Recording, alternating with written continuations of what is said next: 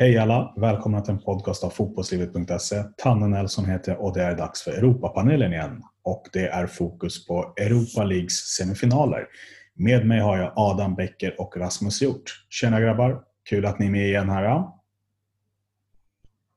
Tjena, tjena! Tjena! Kul att vara med igen. Är ni, är ni taggade på att köra igång? Jajamensan, det kommer bli kanon det här. Det blir kanon. Härligt. Då tänker jag, då börjar vi med den första semifinalen som spelas den 16 augusti. Det är spanska Sevilla mot engelska Manchester United.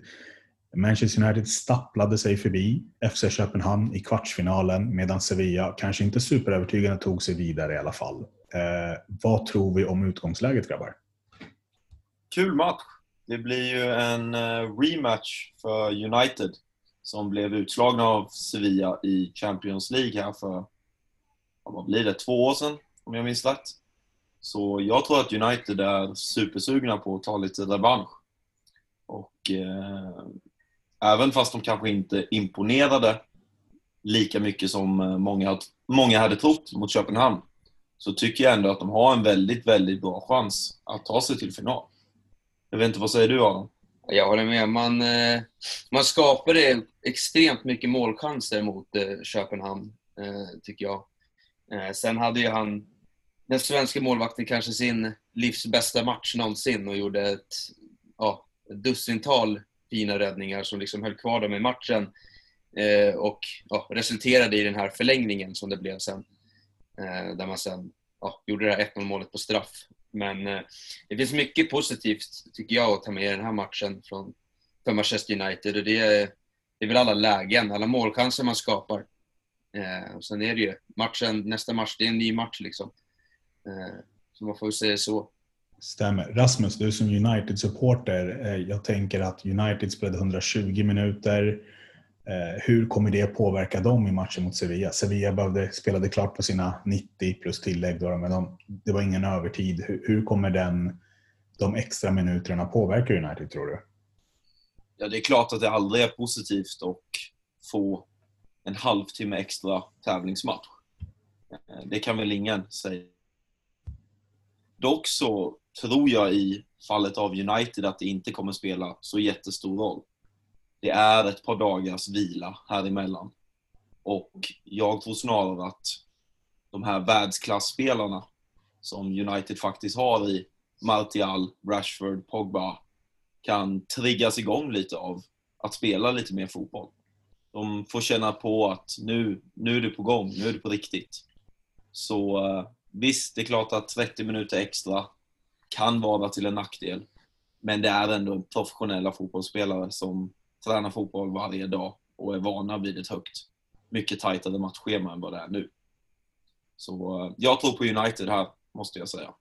Men jag är också United-supporter. Så... Ja, det var lite det. Jag tänkte Adam, du som inte är partisk. Kan du ge din bild av Sevilla här då? då? Eh, ja, jag, jag håller ju fortfarande dem ganska högt. Tycker de har imponerat. Och, och framförallt i sitt försvarsspel så tycker jag man är väldigt kompakta och, och, svåra att komma igenom. Det är svårt att, att skapa lägen hos Sevilla, eh, vilket jag även tyckte att eh, Wolverhampton hade. Eh, men eh, jag tror faktiskt att eh, United tar sig vidare eh, i den här omgången, den här matchen. Eh, jag har ju hållit dem som favoriter till att vinna den här eh, kuppen också. Eh, och det, det kvarstår jag vid intressant där med Sevilla tycker jag personligen är ju att många pratar om deras offensiv ofta. Att man spelar en väldigt fin fotboll där man äger bollen mestadels av matchtiden. Dock så ska man komma ihåg att Sevilla har bara släppt in ett mål på sina senaste åtta eller nio matcher tror jag det är. Så försvarsspelet får man absolut inte eh, glömma bort när det kommer till eh, det spanska laget. Så eh, Uniteds fronttrio där med eh, Martial, eh, Mason Greenwood och såklart Rashford och Fernandes.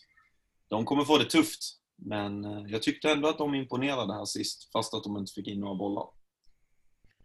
Det jag funderar på lite är ju att du nämner lite Sevilla är ganska starka defensivt men de är även starka offensivt. Jag tänker United är ju det är ju, det är ju mer ett offensivt lag om vi kan uttrycka oss så. Eh, där försvaret kanske blir en liten akilleshäl med Maguire och Lindelöf. Det kanske inte är det starkaste mittbackslåset. Eh, hur går dina tankar kring det då? Eh, håller absolut med det du säger. Dock så tycker jag personligen att Solskär har fått sin prägel på det här United-laget nu. Vilket inte var fallet när Sevilla slog United sist. De spelar en, en kontringsorienterad fotboll kan man väl säga.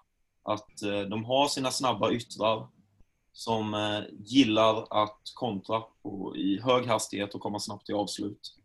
Så att Sevilla får äga bollen mestadels av matchen, det ser jag som absolut ingenting negativt. Utan snarare positivt för United. Det, det syntes ganska tydligt tyckte jag mot Köpenhamn att United trivs egentligen inte i rollen som det bollförande laget eller det laget som hela tiden ska skapa någonting och göra någonting hela tiden. Utan de vill ligga tillbaka lite på planen och kontra helt enkelt. Och det har vi sett hela säsongen. Så, ja. nej, det blir intressant. Otroligt intressant match måste jag säga. Absolut. Eh, vi tänker, vi har ju en ganska stor matchvinnare i United i Bruno Fernandes. Hur viktig kommer han vara tror ni i den här matchen?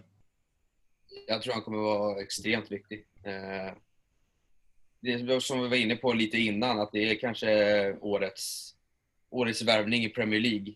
Eh, med tanke på hur mycket poäng han faktiskt har spelat in för Manchester United sedan han kom.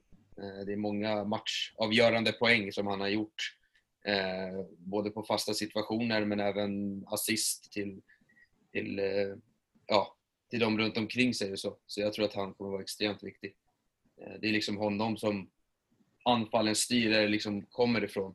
Bollarna kommer från honom ut på Martial och Rashford och de här. Så ja, han är jätteviktig. Eh, en annan spelare som har faktiskt rutin att vinna stora mästerskap och vara så här långt, det är ju Paul Pogba. Jag är inte någon superfan av honom, jag har lite svårt för honom, men hur mycket kommer han påverka matchbilden och utgången av matchen? Vad tror ni där? Jag tror att det är en spelare som har så mycket fotboll och så mycket potential i sig. Och han är exakt en sån spelare som bara höjs av såna här matcher. Jag tror att han kommer kliva fram nu när det verkligen betyder någonting. Och om det är att kliva fram för att han vill få ett transfer eh, senare i sommar. Det kan, vara, kan mycket väl vara så. Eller att det är att han faktiskt vill bevisa att glöm inte bort mig, jag har en stor del av det här laget. För, för tillfället så pratar man enbart om just Bruno Fernandes och om Martial. Eh, och Pogba har blivit, kommit lite i bakgrunden där. Och det tror jag han personligen inte trivs med jättemycket.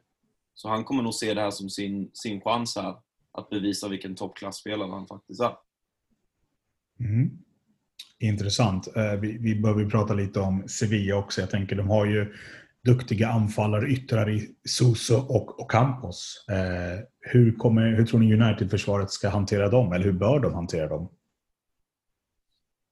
Ja, jag tycker ju personligen att Uniteds ytterbackar är väl en, en, en av de svaga delarna när det kommer till det offensiva. Jag tycker att Wan Bissaka är förmodligen Premier Leagues bästa defensiva ytterback. Så från högersidan så tror jag Sevilla kommer ha det svårt. Ehm, han är väldigt brytsäker. De kommer förmodligen inte komma runt allt för mycket just längs högerkanten. Dock så har ju United en riktig akilleshäl eller en svag punkt på vänsterbackspositionen. Där antingen Eh, antingen så kommer ju Luke Shaw eller Brandon Williams spela där. Och de har ju inte bevisat, någon av dem tycker jag personligen, att de hör hemma på den här nivån.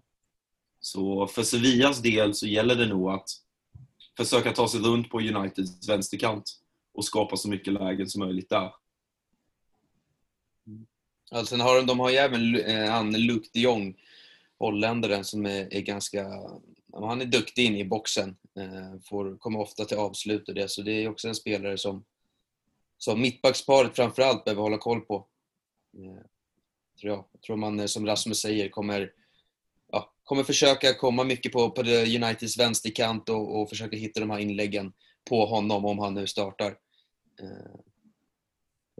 In i boxen är han bra. Mm.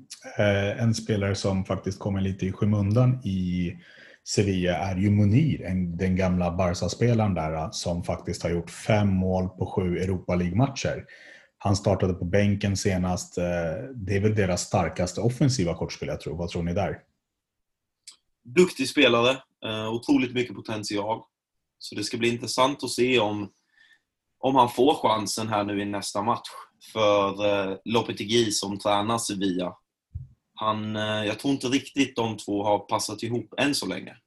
Eh, annars hade man nog startat en Monir i en kvartsfinal.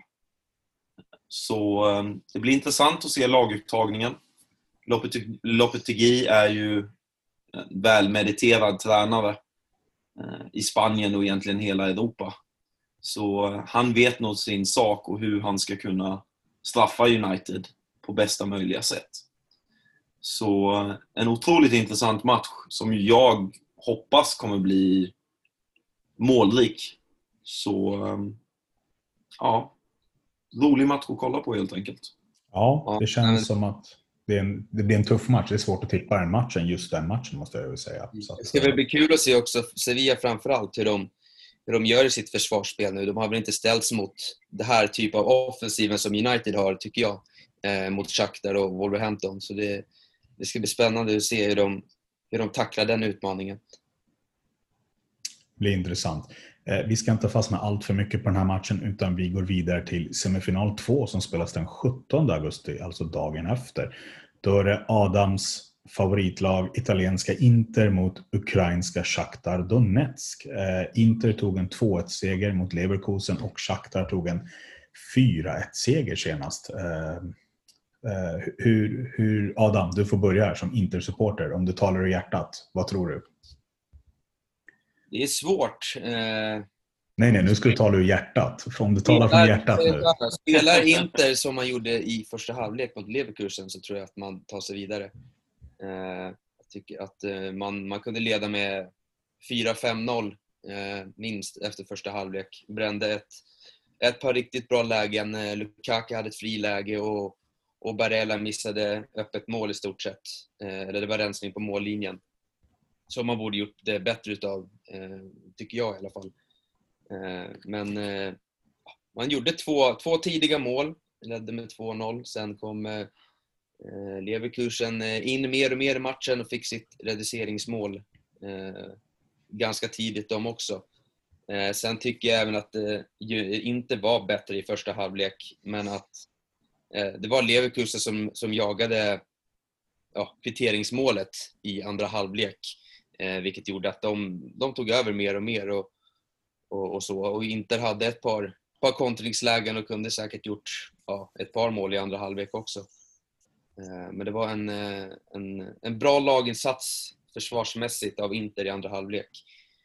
Eh, men jag, jag tar med mig det positiva från, från första halvlek med tanke på de eh, målchanser man skapade. Mm. Om du skulle välja ut tre nyckelspelare för Inter under matchen, Adam, vilka tre skulle det vara då? Eh, jag skulle nog välja Diego Godin eh, med tanke på hans eh, rutin eh, i de här olika mästerskapen framförallt från, från tiden i Atletico Madrid. Eh, sen har jag väl Ah, eh, Nicolo Barella tycker jag är, är duktig. Väldigt kreativ och, eh, och så på mitten.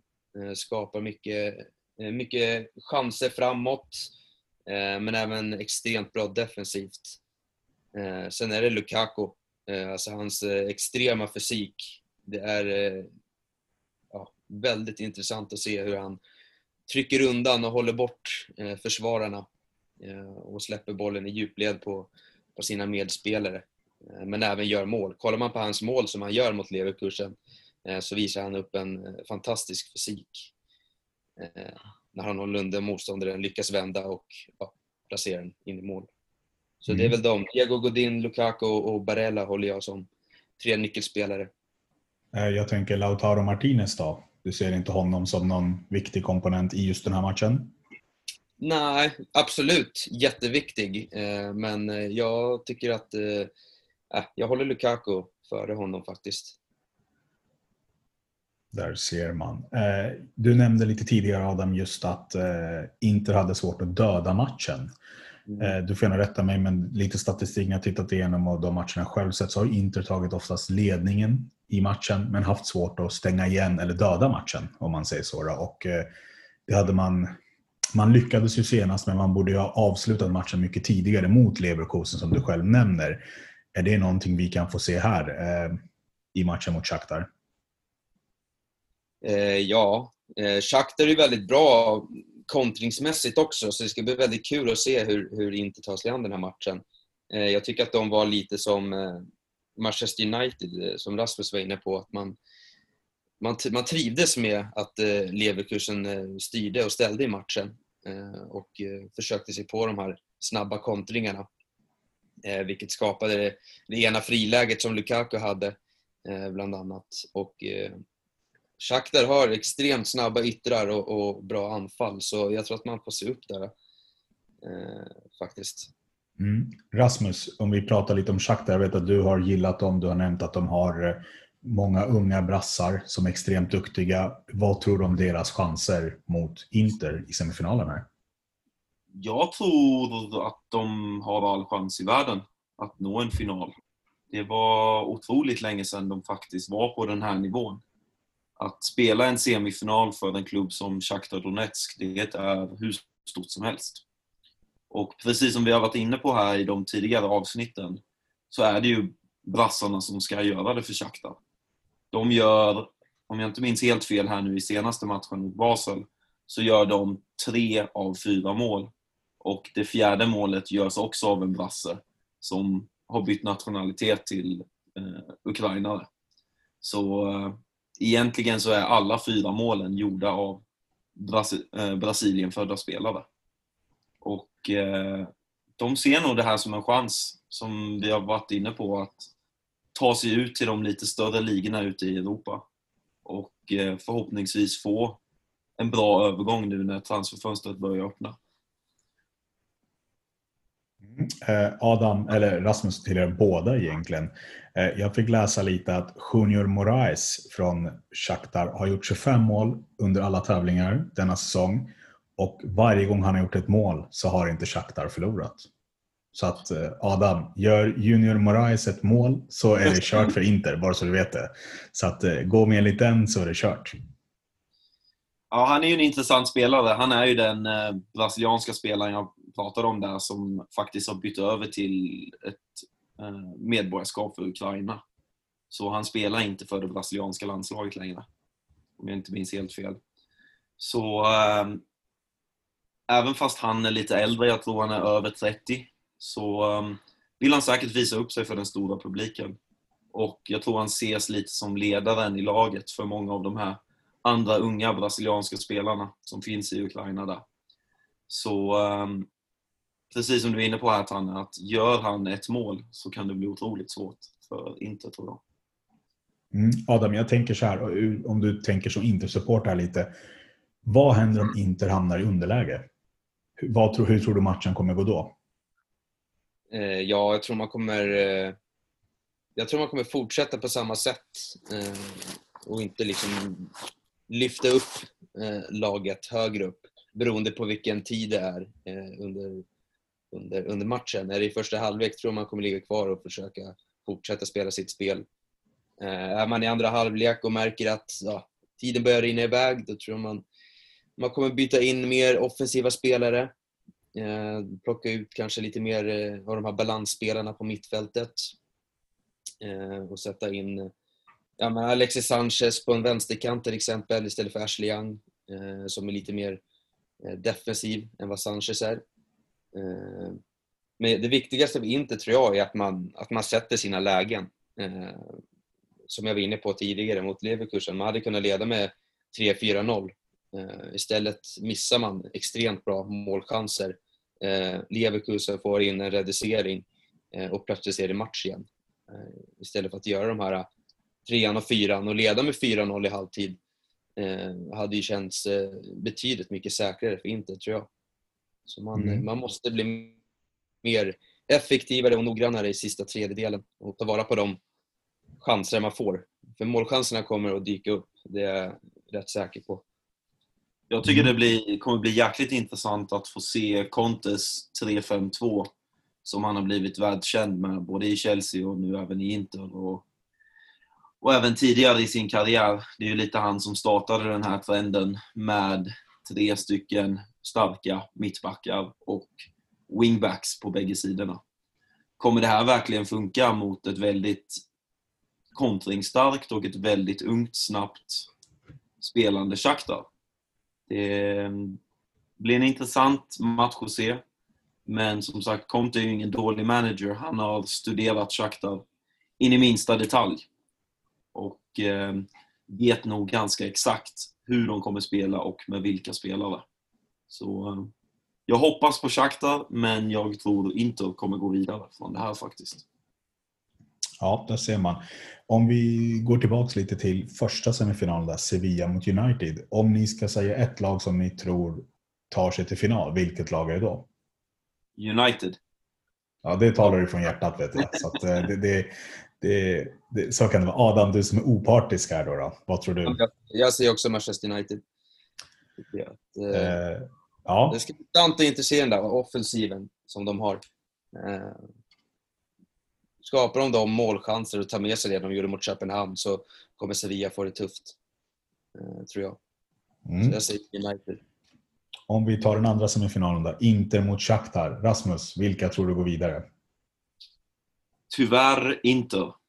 Jag eh, brukar gilla underdogsen, vilket i detta fallet jag ser Shakhtar Eh, som. Så ehm, fast de har spelat en fantastisk säsong både i ligan och i Europa League så tror jag att inte blir några storlekar för stora för Shakhtar Donetsk. Och jag tror att finalen kommer spelas mellan, mellan just Inter och United. Och det kommer bli den här bataljen som vi har varit inne på lite med de gamla United-spelarna och även de andra Premier League-spelarna i form av Christian Eriksen till exempel. Som får spela mot sitt gamla forna United. Adam, vad tror du då? Om du har- använder lite hjärta och lite tanke, vad tror du? Ja, men jag tror inte tar, eh, tar sig vidare, som Rasmus säger. Eh, Mycket hänger på de här nyckelspelarna som jag nämnde. Eh, Att de presterar, fortsätter så de har gjort i det här slutspelet. Eh, Men sen även det som jag var inne på också, att man, att man sätter sina lägen eh, Eh, och är mer effektivare i sista tredjedelen. Eh, speciellt i en sån här viktig match. Det går, det, du måste ta tillvara på, på lägena. Eh, så är det bara. Så är det. Ja, tack grabbar. Eh, till er lyssnare, bara så lite repetition här, men 16 augusti då spelar Sevilla mot United. Eh, semifinal nummer ett. Semifinal nummer två spelas den 17 augusti mellan Inter och Shakhtar.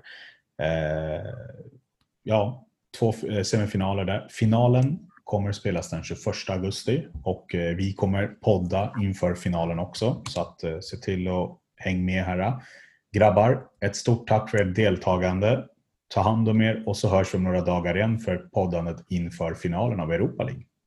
Ska bli superkul. Tack detsamma. Det här är en podcast av fotbollslivet.se. Tack för att ni valt att lyssna på detta avsnitt. Vi vill påminna er om att vi finns på Spotify eller i din poddspelare och ni hittar oss även på sociala medier.